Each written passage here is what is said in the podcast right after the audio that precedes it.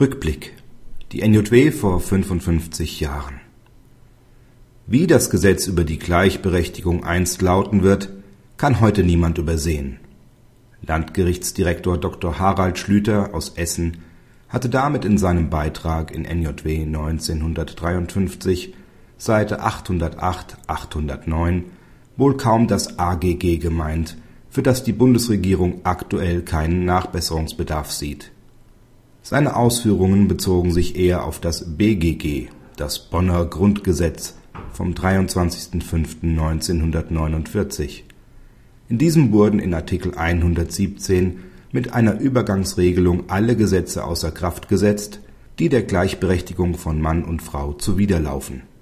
Schlüter kritisierte die kurze Dauer der Übergangsregelung.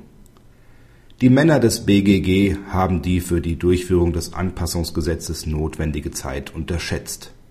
In Anbetracht zahlreicher diskriminierender Gesetze von vor 55 Jahren war diese Kritik sicherlich berechtigt.